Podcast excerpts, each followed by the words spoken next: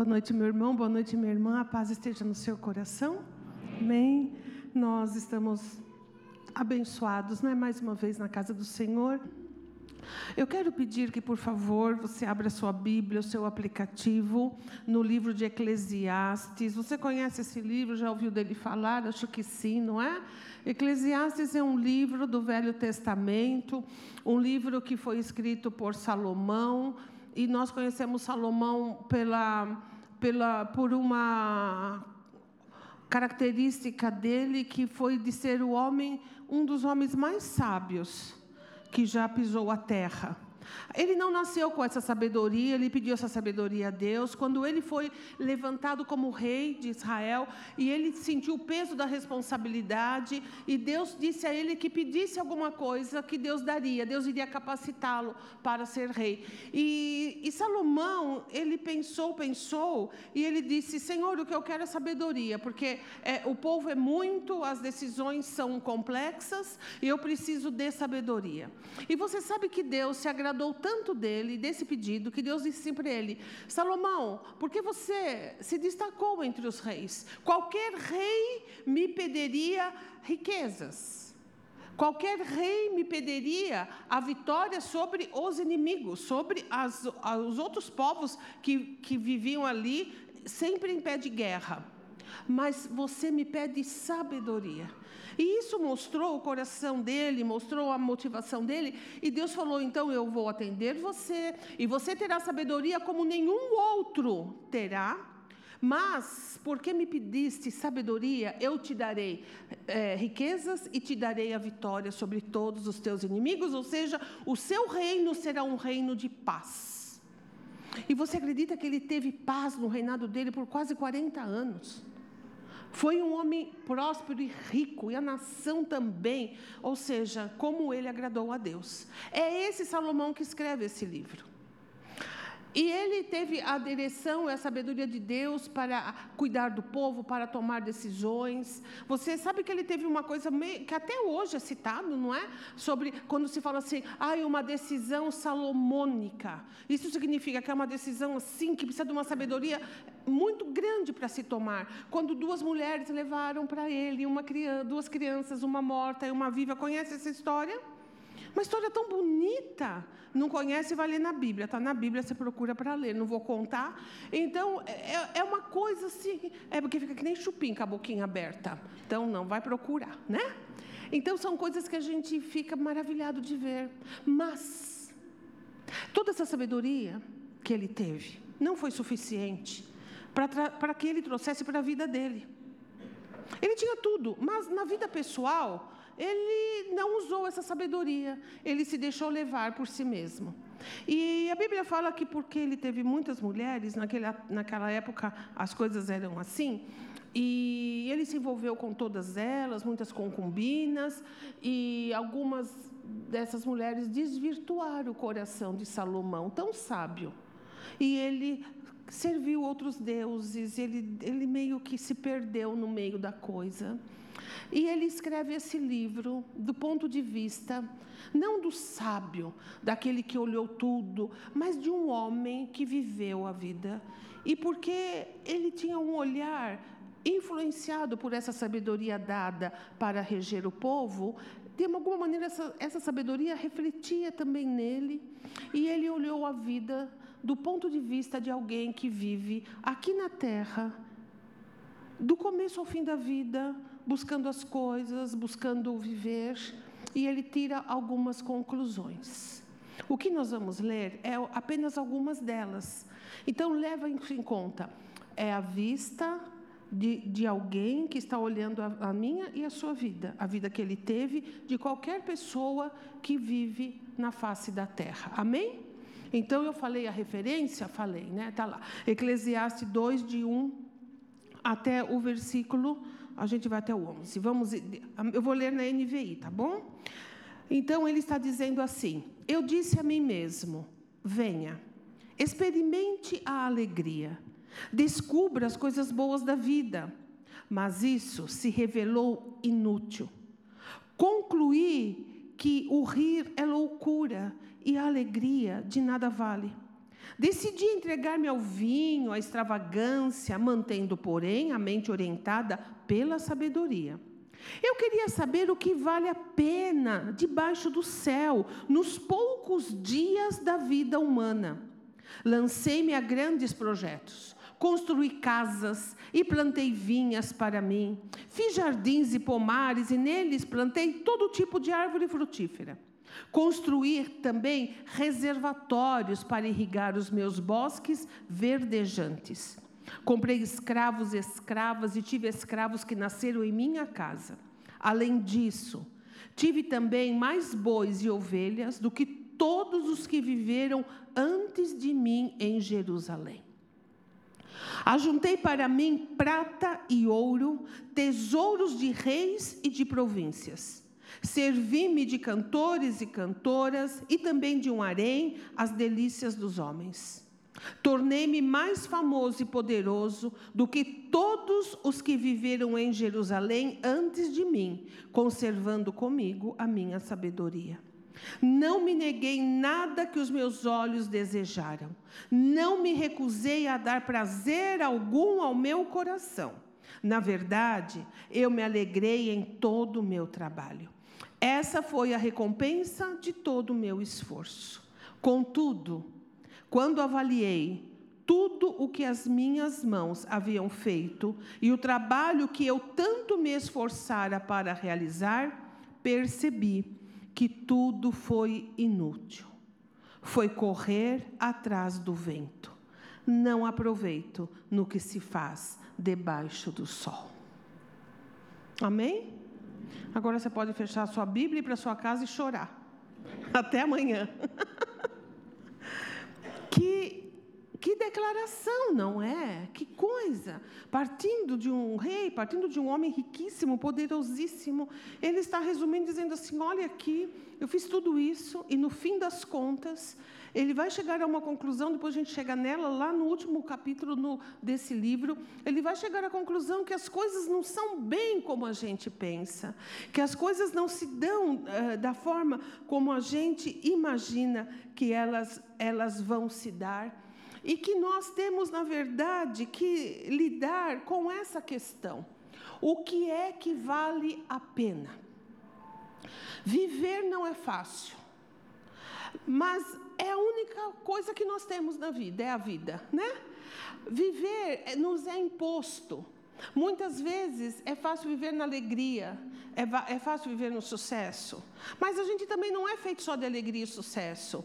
Às vezes nós descemos em profundos vales, em lugares sombrios, e aí eu sempre tenho isso comigo. A nossa vontade, quando nós estamos passando por isso, é parar de viver, é, é, é, é parar, sentar e, não, e parar, parar. Mas a vida empurra, a vida empurra. E a gente nem que queira parar, a gente não consegue. Porque existe um mistério, existe algo que move, e a, senão a humanidade terminaria muito rápido. Mas olha que nós estamos aqui, nós ainda estamos vivendo, ainda existem homens e mulheres, o gênero humano ainda está superando as dificuldades e está vivendo. Porque há, há da parte do, do nosso Criador um impulso, sabe, em cada pessoa, em cada criatura que vive no mundo, criatura humana, que impulsiona para a vida. Agora, o que é que vale a pena? O que é que, o que, é que você espera, o que eu espero, quando a gente partir desse mundo, sabe? Quando, se Jesus não voltar e a gente tiver que enfrentar uma partida nossa e pessoal de nós daqui, é, nos últimos momentos de vida, quando a gente, se tiver tempo, a gente olhar para trás, o que será que nós vamos pensar? Se a gente olha para trás, será que nós vamos dizer assim: a minha vida valeu a pena? A minha vida valeu a pena ser vivida? Eu parto com essa sensação de que valeu, que não foi um desperdício, que não foi à toa, que eu não vivi de qualquer jeito, que eu não fui uma folha levada pelo vento, que eu não, né, eu não, eu não, não pensei assim, igual o Zeca Pagodinho pensa, né? É, deixa a vida me levar, a vida leva eu. Que é uma coisa tão comum, que eu não empurrei com a barriga mas que de alguma maneira eu olho e eu vejo que valeu a pena. O que é que faz isso em nós? Qual é a diferença daquela pessoa que, quando está à beira da morte, faz um, um, balanço da sua vida? E para isso não precisa muito tempo. As pessoas que enfrentam a morte, elas falam que em, em um segundo toda a vida passa diante delas. Já ouviu falar isso? Não sei se você já passou por isso aqui. Todo mundo fala isso. Minha vida passou diante de mim em um, um segundo. Então não precisa muito tempo. O que é que quando. Por que, que algumas pessoas falam, não valeu a pena, não, não fiz nada? E por que, que quando pessoas passam por isso, se elas têm a oportunidade de voltar a viver, ou de não, não morrer naquela hora, naquele momento, por que é que elas mudam? Elas começam a ver as coisas diferente. Elas tomam decisões na vida. Nós temos um caso aqui, eh, já aconteceu em algumas décadas atrás, do Abílio Diniz.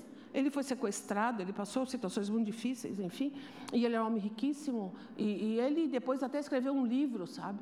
E ele fala que a vida dele mudou, assim, mudou, mudou. As coisas que ele enxergava, as coisas que ele via, mudou completamente, porque ele teve a chance de perceber como ele tinha vivido, ele teve o risco enorme de ali terminar tudo, e ele foi devolvido à vida e ele tomou algumas decisões diferentes. Por que é que é assim? É assim porque Salomão nos explica claramente, porque nós temos uma visão equivocada das coisas. Porque nós vivemos no mundo, numa sociedade, e, ne, e nesse e mundo, num sistema de valores, num sistema de visão de mundo e visão de vida completamente é contrário à palavra de Deus. Completamente contrário à humanidade, completamente contrário à nossa natureza. É algo artificial que é imposto, que é colocado e do qual nós não temos como escapar. Nós vivemos no mundo. E é interessante lembrar de uma palavra do Senhor Jesus que ele disse a respeito dos seus discípulos em oração. E é interessante ouvir as orações de Jesus. Quando ele diz assim, Pai, e está falando a respeito dos discípulos, eu não peço que o Senhor os tire do mundo, mas que o Senhor os livre do mal.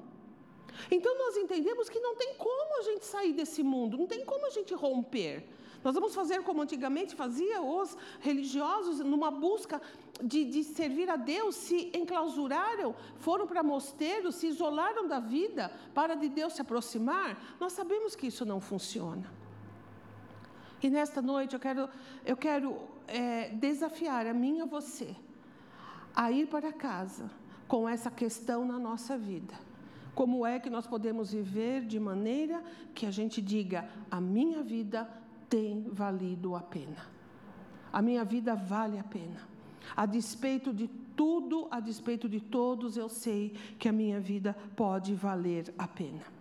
E eu quero dizer a você uma coisa que você precisa ter na sua vida. E eu, quando eu falo você, eu estou falando para mim também, não é? Mas que nós precisamos ter na nossa vida. Nós não podemos viver de qualquer jeito. Nós somos seres pensantes, racionais, e nós somos a única espécie criada à imagem e semelhança de Deus. Nós não somos uma espécie como são os animais, nós somos, sabe, nós somos criados à imagem e semelhança de Deus.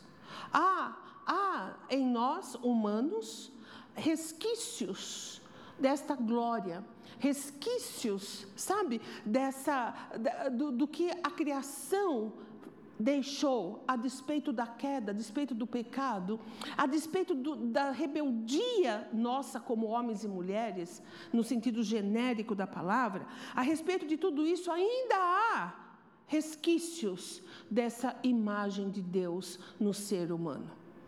Agora, se você serve a Deus, se na sua vida você é consciente de que você é habitação do Espírito Santo, se você tem uma relação com Ele, saiba aí então que a coisa fica melhor ainda. Porque, segundo a palavra de Deus, nós temos Deus em nós, habitando em nós, se relacionando conosco. Nós temos o senhorio de Jesus no nosso coração. Então isso é extraordinário, isso é maravilhoso. Mas ainda assim, se a gente não prestar atenção nesta, nesta vida maravilhosa, nesta habitação gloriosa, em tudo que Deus tem nos dado, se a gente não ser cuidadoso, cuidadosa, nós podemos sim nos equivocar e nós podemos partir para o céu quando a gente morrer ou quando Jesus voltar e a gente olhar para trás e falar: hum, não valeu a pena. Eu poderia ter feito de outra forma e de outra maneira. Me acompanhe. Você precisa ter prioridade na sua vida. O que significa prioridade? O que vem primeiro. Você precisa ter. E não é prioridades, você precisa ter prioridade, é no singular. Você precisa ter dentro da no seu plano de vida, em você, uma visão de que você precisa saber o que é que vem antes e o que é que vem depois. Porque se a gente não tiver isso, nós vamos viver numa confusão. Nós vamos viver trocando coisas de lugar, nós vamos viver sempre correndo atrás do vento. Já ouviu falar da expressão pegar o vento com as mãos? Pegar óleo com a mão? Às vezes a gente usa isso escorre, não pega. A gente vai viver sempre assim. Quando a gente vive assim, a gente vai acumulando desilusões. A gente vai acumulando frustrações, nós vamos acumulando decepções, e o pior de tudo, nós vamos perdendo a, a confiança em nós mesmos.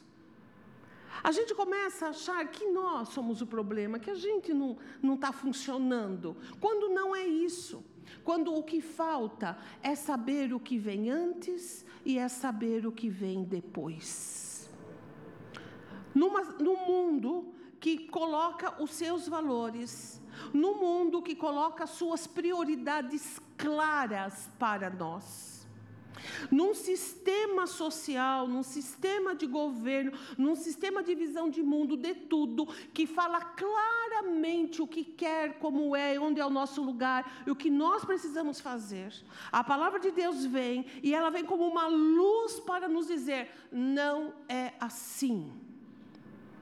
Porque a Bíblia diz: aquele que quer se tornar amigo do mundo, no sentido, aquela pessoa que quer viver conforme os conceitos e preceitos de uma sociedade hostil à palavra de Deus, essa pessoa, se ela tenta é, se adaptar a esse tipo de vida, ela se torna, é, não tem opção, ela vai se tornar inimiga de Deus.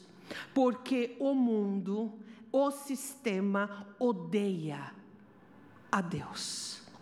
Porque é contrário. Porque a Bíblia diz que Satanás é o príncipe deste mundo. Não tem como acontecer. Não dá para juntar as duas coisas. Então eu quero dizer a você que tudo o que vamos falar é exatamente ao contrário do que nós somos incitados a fazer em sociedade. E eu também quero que você saiba que se você opta por ouvir a palavra de Deus, se você opta por por um, ouvir o que a proposta de vida de Jesus, você já compra uma briga, porque você vai ter que você vai ter que rivalizar com o que já é colocado. Nunca se esqueça que quanto mais de Deus a gente se aproximar, mais, mais desse sistema nós vamos nos distanciar. E Jesus disse uma vez assim: se o mundo odeia vocês, Saiba que antes de odiar você, o mundo odiou a mim. Então, isso é claro, é, não, não deixa nenhum tipo de dúvida. Quando nós caminhamos com o Senhor, nós estamos caminhando na contramão do sistema. É na contramão, não tem jeito. Se você dormir nesse sermão que eu orei para preparar, que eu perdi meu tempo, eu vou chamar você pelo nome e você vai ficar de pé. E você vai ficar uma semana sem dormir, de vergonha e susto. Amém? Acorda. Primeira, primeira chance. A segunda é seu nome aqui. Você percebeu que houve mudança na rua da igreja, não percebeu? Então ficou, ficou só para ir para lá, não é mais para voltar. Preste atenção que eles pintaram faixa amarela em toda a extensão da igreja, na guia. Eu, talvez eles vão colocar sinalização de que na, na, em toda a extensão da igreja e, desse, e do, dos nossos vizinhos, do condomínio, eu acredito que não vai poder estacionar carro, tá bom? Fica atento a isso para você não ser multado ou multada, não é? Não vamos deixar o irmão Cosmo feliz. Né? O, é o pai dele, porque ele trabalha no CET. A gente não vai deixar o Cosmo feliz. Então você cuida para você não ser multado. Não adianta, é mão e tem que ir para lá. Sabe? Se a gente pega o carro e a gente vem ao contrário, nós estamos na contramão. Mas na vida espiritual, nós estamos na mão de Deus, amém? No sentido único do Senhor, amém? Então é isso. Não, não pode, pode achar ruim, pode falar que não é certo. Está ficando louco, pegou a mão errada eu estou na mão certa, eu estou olhando para Jesus, o autor e consumador da minha fé. Então eu estou na mão certa, quem está na mão errada é você. Tomara que você perceba isso. Amém, amém, e a gente vai caminhando. Então é, é, desse prisma que eu quero falar com você. É partindo dessa, dessa, desse lugar que nós estamos é que eu quero dizer a você. Então vamos falar de prioridades. E eu quero começar da menor para maior. Eu peguei apenas é, quatro elementos, é muito pouco, mas dá para a gente ter um norte na nossa vida, segundo a mente de Cristo Jesus. E segundo aquilo que Salomão falou, porque eu não quero correr atrás do vento. Você quer? Então vamos lá. Primeira coisa, numa ordem de prioridades da sua vida, dessa nossa relação aqui, dessa nossa lista, eu queria que lá embaixo, da, a quarta, da primeira para a quarta, é a sua relação, a minha relação com as coisas. Isso precisa estar claro para nós. As coisas. E nas palavras do apóstolo Pedro, Pedro João, não sei, você vai me lembrar, quando ele diz assim: Não ameis o mundo, João, não ameis o mundo nem as coisas que no mundo há. Porque aquele que ama o mundo, o amor do Pai não está nele. A fascinação das coisas, a fascinação das riquezas, a ostentação da vida. A Bíblia fala tudo isso passa, mas aquele que faz a vontade de Deus permanece para sempre. A Bíblia diz também que as pessoas que buscam enriquecer, de uma maneira desenfreada, como objetivo final de suas vidas. Essas pessoas, inclusive que às vezes conhecem a Deus, porque Tiago está dizendo pessoas que conhecem a Deus, ele vai dizer assim: elas caem em grandes tentações e se perdem. Sabe por quê? Porque Jesus diz assim: a vida de uma pessoa não consiste na abundância de bens que essa pessoa possui. Palavras do Senhor Jesus Cristo. As coisas precisam ter um lugar na nossa vida. Todos nós sabemos que precisamos de coisas todos nós, mas nós precisamos colocá-las no devido lugar. Amém? Isso chama uma coisinha, é, não ser materialista. Não correr atrás do vento, não pensar que isso vai determinar o nosso sucesso. Preste atenção nisso. Qual é a sua relação com coisas? Aonde está o seu coração nisso? As coisas que você deseja, elas norteiam sua vida. Elas estão no topo das, das suas prioridades. A, a, necessidade de ter, de, de adquirir, é o topo da, daquilo que está acima de tudo. É preciso pensar sobre isso. As coisas precisam ter o lugar delas na vida. A última, A terceira, que deve ser uma prioridade e tem que estar no lugar encaixado direitinho. Então, não é a última, mas é a penúltima. É o trabalho. Todos nós precisamos trabalhar. O pastor João pregou na ceia, não é? Falou sobre trabalho, né? Quem inventou o trabalho? Quem inventou o trabalho foi Deus. Nós sabemos disso. Eu penso que originalmente o trabalho deveria ser um lugar de realização, um lugar né, bom. Ah, eu faço trabalho no que eu gosto. Mas a gente sabe que a vida não é isso, não é? A gente fala muito isso e falamos isso para os nossos filhos e a gente dissemina isso para quem vem nos se aconselhar conosco. É muito triste falar, mas tem que ser dito. Primeiro, se estude, se forme em alguma profissão que lhe seja rentável. Tem que ter dinheiro. Tem que se manter. E depois vai fazer a faculdade dos seus sonhos. Vai fazer, sabe, é, outra coisa, né? Astronomia, né? vai fazer, é, sem querer ofender ninguém, mas vai fazer coisas que o nicho de trabalho é muito estreito, mas você já tem um que te banca, você pode fazer o outro. A vida é assim. A gente levanta de manhã porque a gente tem que comer, a gente tem que se vestir, e a gente tem que minimamente ter um lugar para morar. O dinheiro cai do céu? Nós sabemos que não.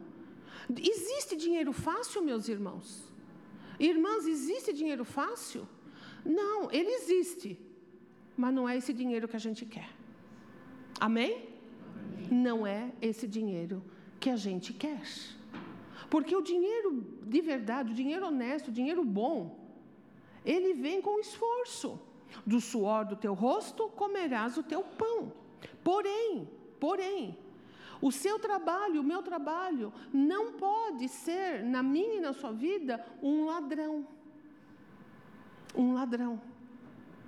Porque se nós colocarmos o trabalho como uma prioridade máxima, lá em cima de tudo, esse, isso vai ser cobrado de nós.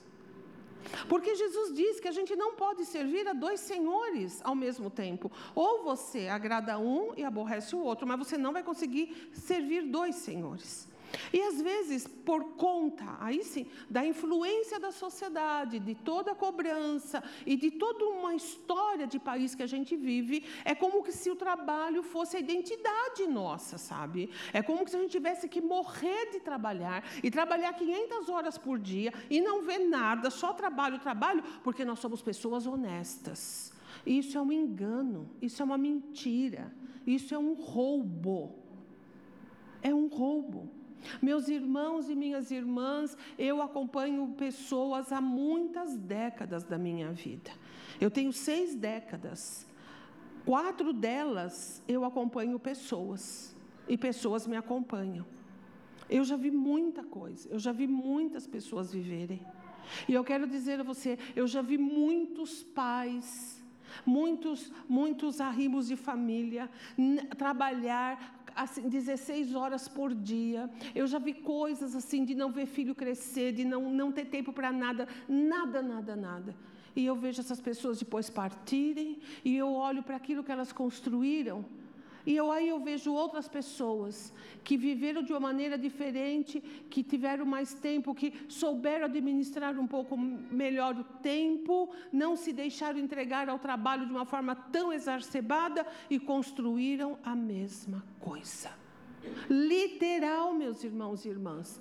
O mesmo jeito da casa, as mesmas pó, tudo igual. A diferença é que esse que trabalhou menos, foi tão abençoado como aquele que trabalhou mais, mas ele viveu mais do que aquele que partiu sem nada.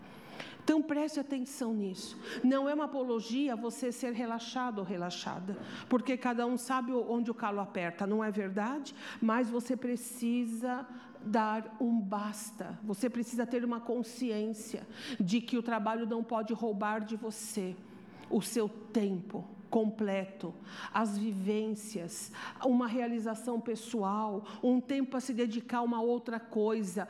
Olha, você precisa cuidar disso. enquanto dá tempo, enquanto pode acontecer.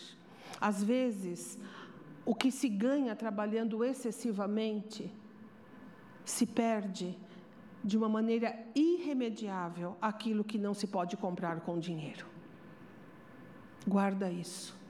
As melhores coisas da vida não é o dinheiro que traz. Guarda isso. Então, um pastor, eu li um livro muito interessante, e, e é, foi um pastor que acompanhou pessoas à beira da morte.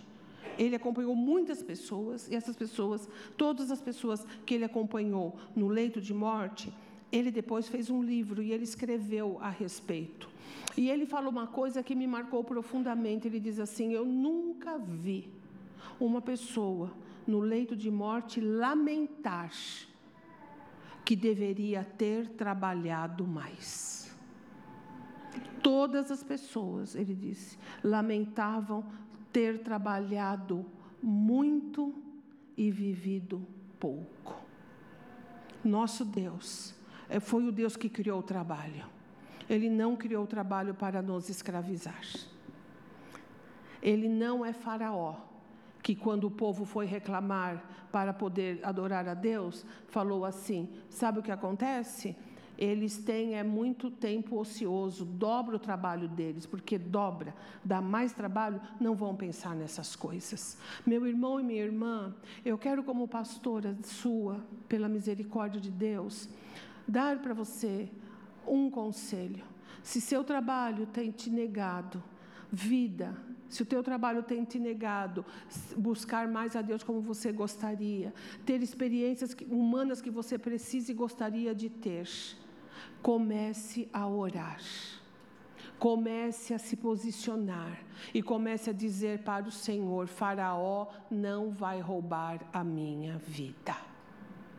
Você consegue discernir isso espiritualmente? Não me vai pedir demissão amanhã. E vir aqui depois trazer suas contas para mim, porque mal eu pago as minhas.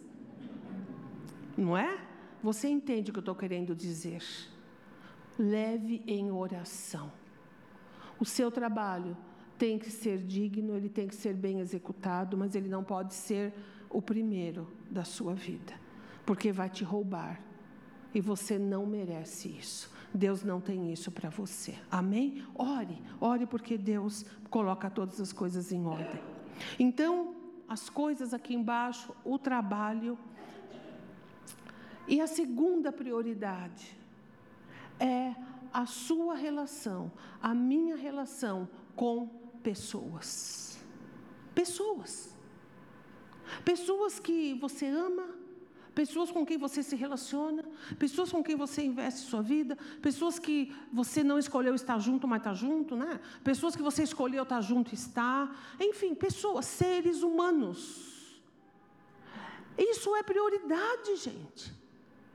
Porque nós somos humanos porque nos relacionamos com outro humano.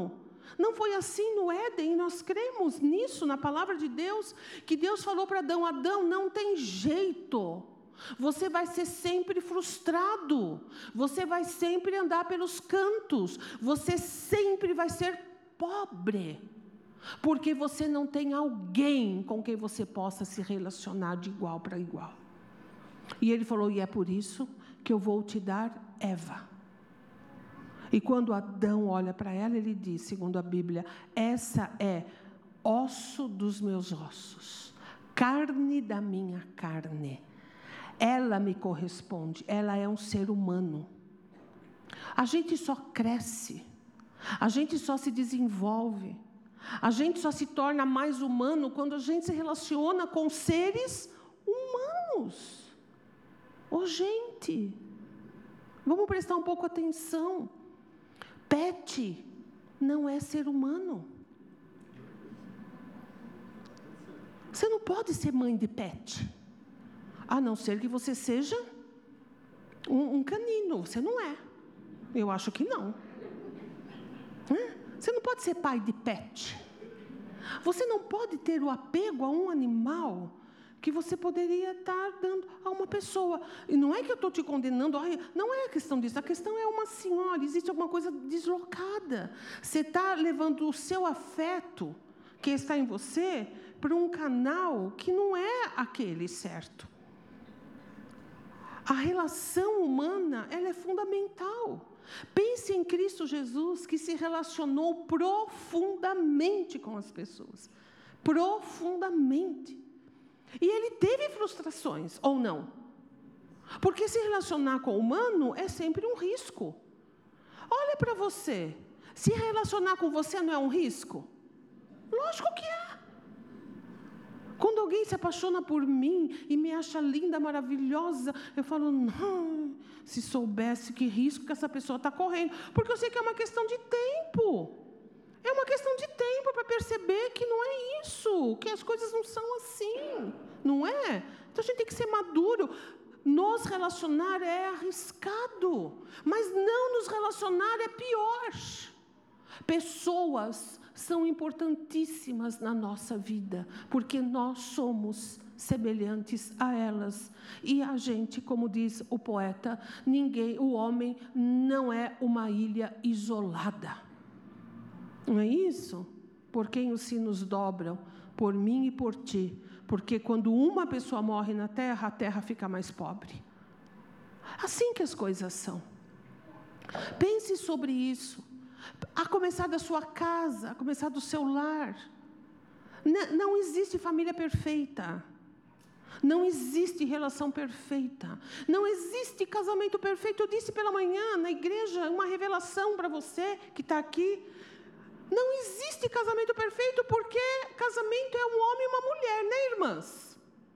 Se fosse só, né? Mas tem um homem no meio, então não é perfeito, né? Não é, irmãs?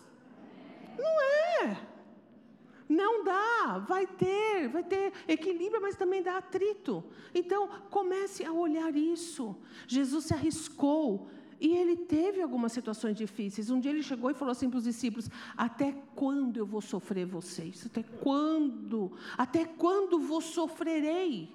Sofrereis? Ele falou, nem sempre foi fácil para ele, mas ele vivia rodeado de pessoas ele, as multidões iam atrás, ele dava atenção, mas ele tinha os doze, e dos doze ele tinha os três, que eram os íntimos. Jesus se relacionou profundamente chamou aqueles três para os momentos mais íntimos da vida dele. Isso é uma lição para mim e para você. Para você que quer, aí ah, eu vou na igreja, mas eu entro e saio, não quero falar com ninguém. Você está no lugar errado. Não é assim. Além de sermos humanos, nós somos cristãos. E nós amamos estar juntos. E a gente sabe que precisa estar. Não é isso? A gente pode gostar de alguns, mas a gente ama a todos. É assim que é.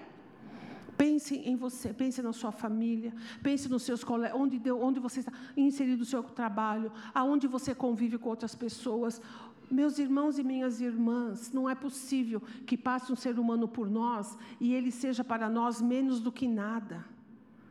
Que a gente não dê atenção, que a gente não cruze um olhar, que a gente não veja no outro um pedaço nosso. Nós somos humanos. Nós não temos inimigos, meus irmãos e minhas irmãs. O outro não é nosso inimigo, entende isso? Nós temos que conviver, nós temos que entender estas coisas. Nós precisamos, como diz Jesus, ser simples como a pomba, prudente como a serpente. É bem verdade que há relacionamentos que são muito difíceis e têm um preço muito alto. É bem verdade que não, não depende só de nós, mas o que nós temos que ter uma visão geral das coisas é que as, as pessoas são mais importantes do que as coisas. E as pessoas, elas são mais importantes do que o trabalho. Se o preço para se ter coisas e se trabalhar é excluir você da vida de pessoas que principalmente você ama, repense a vida. Amém? E por último, e a primeira prioridade, você sabe aonde eu vou chegar? A prioridade é Deus. Ele é o primeiro. Esse é o lugar dele, não há outro lugar. Mas Ele é tão misericordioso e bom que quando nós colocamos Ele como a o que vem primeiro, o norte da nossa vida, a, a base pela qual nós nos avaliamos, a base, ou seja, a luz dos nossos olhos, o pulsar do nosso coração, as elaborações que nós fazemos na nossa mente, quando nós permitimos que o Senhor esteja no topo da nossa lista. O resultado disso é uma vida, uma vida equilibrada, uma vida abundante, uma vida onde não há engano e uma vida onde não há roubo. Jesus Cristo disse assim: busque em primeiro lugar o reino de Deus e a sua justiça. E todas estas coisas, ele dizia das coisas materiais, vos serão acrescentadas. E ele disse: olhem aqui, os pardais não trabalham, mas eles têm comida todo dia. Você já parou para pensar nisso? Tem comida para pardal, e ninguém gosta de pardal. Ninguém quer pardal no quintal, ninguém, ninguém compra pardal, ninguém quer. Agora eles sumiram, tadinho, por causa da vida urbana, né? Mas eles eram uma praga antigamente. Vamos pensar pombo. Quem quer pombo? Você quer pombo no, seu, no seu telhado? Você sabe o estrago que faz? Ninguém quer. Mas eles não trabalham, eles não fazem, mas eles estão aí, se proliferam, são grandes, são sadios, vivem por, porque tem comida para eles. E Jesus fala: se Deus alimenta, aí para a gente aqui, né, os pombos, não vai alimentar vocês, homens de pequena fé. E ele fala para a gente buscar o reino em primeiro lugar, porque ele conhece como é o sistema do mundo, como é o sistema humano e diabólico de inverter as coisas. E nós temos que acordar para isso. Norteemos a nossa vida pela presença de Deus, por aquilo que Deus diz. Se Jesus fala, olha, você pode não ter tudo na vida, mas se você tiver o que é mais importante, você vai olhar para trás e vai dizer: valeu a pena. Você pode não morar na melhor casa. Eu estou dizendo isso porque por onde nós estamos, onde nós estamos na pirâmide social do nosso país. Ninguém aqui ficará rico. Você está me ouvindo? Não vai ficar, gente. Se você quiser dinheiro digno, você não vai ficar rico. Mas você pode ter vida e vida em abundância, com as suas necessidades supridas e vivendo confortavelmente, é verdade ou não? E eu conheço muito, muitos de vocês aqui. E sei que vocês vivem confortavelmente. Porque Deus não tira, Deus sempre acrescenta. A proposta não é voto de pobreza, mas a gente nunca vai ser mesmo, mas quando a gente chegar lá, e quando lá no, na sua partida, você ter, como eu vi ontem, estando com essa querida família, que vem bem a calhar, sabe, as pessoas lamentando, as pessoas sentindo ausência e falando, olha, com marcas na vida, da presença, do, de tudo que deixou, sabe? Você pode não ter morado num palácio, mas você vai ser querido e você vai deixar saudade no coração de muita gente. Você vai ter, no fundo, alguém para te pegar na mão, estar lá, sabe, com você. Essa, é isso que Deus quer tirar as nuvens dos nossos olhos, para que a gente possa enxergar.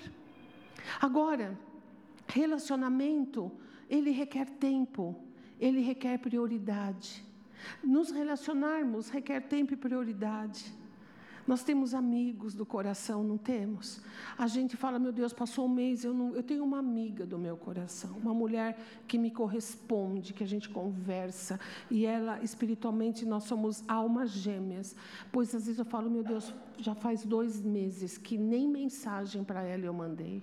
E ela também não. tem que ter, sabe, prioridade. Você fala, não, eu vou fazer acontecer. E com Deus é a mesma coisa. Se Ele é o primeiro na nossa vida, gente.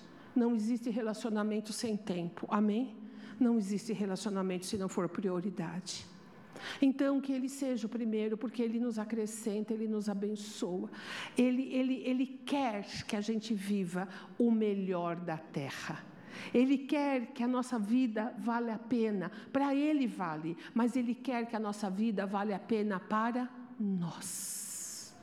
E que a gente não caia no engodo de ter essa devoção a Deus para nos satisfazer, para sermos felizes. Não. Que a gente sirva a Deus porque Ele é Senhor da nossa vida. Ele é Deus da nossa existência. E Ele há de nos abençoar, Ele há de nos suprir, Ele há de nos acrescentar, Ele há de abençoar o nosso trabalho, abençoar a nossa família, abençoar aquilo que nós temos, as coisas que vêm às nossas mãos, tudo isso será abençoado. Se ele for o primeiro da nossa vida. Isso não é uma troca, isso não é um negócio, isso é uma ordem, uma ordem de vida, sabe? Que o Senhor dá àqueles que o amam. O mundo não entende isso, meu irmão, minha irmã. As pessoas nunca irão entender isso com os olhos naturais. Isso é, é revelado pelo Espírito de Deus a pessoas que têm interesse em viver na presença dEle.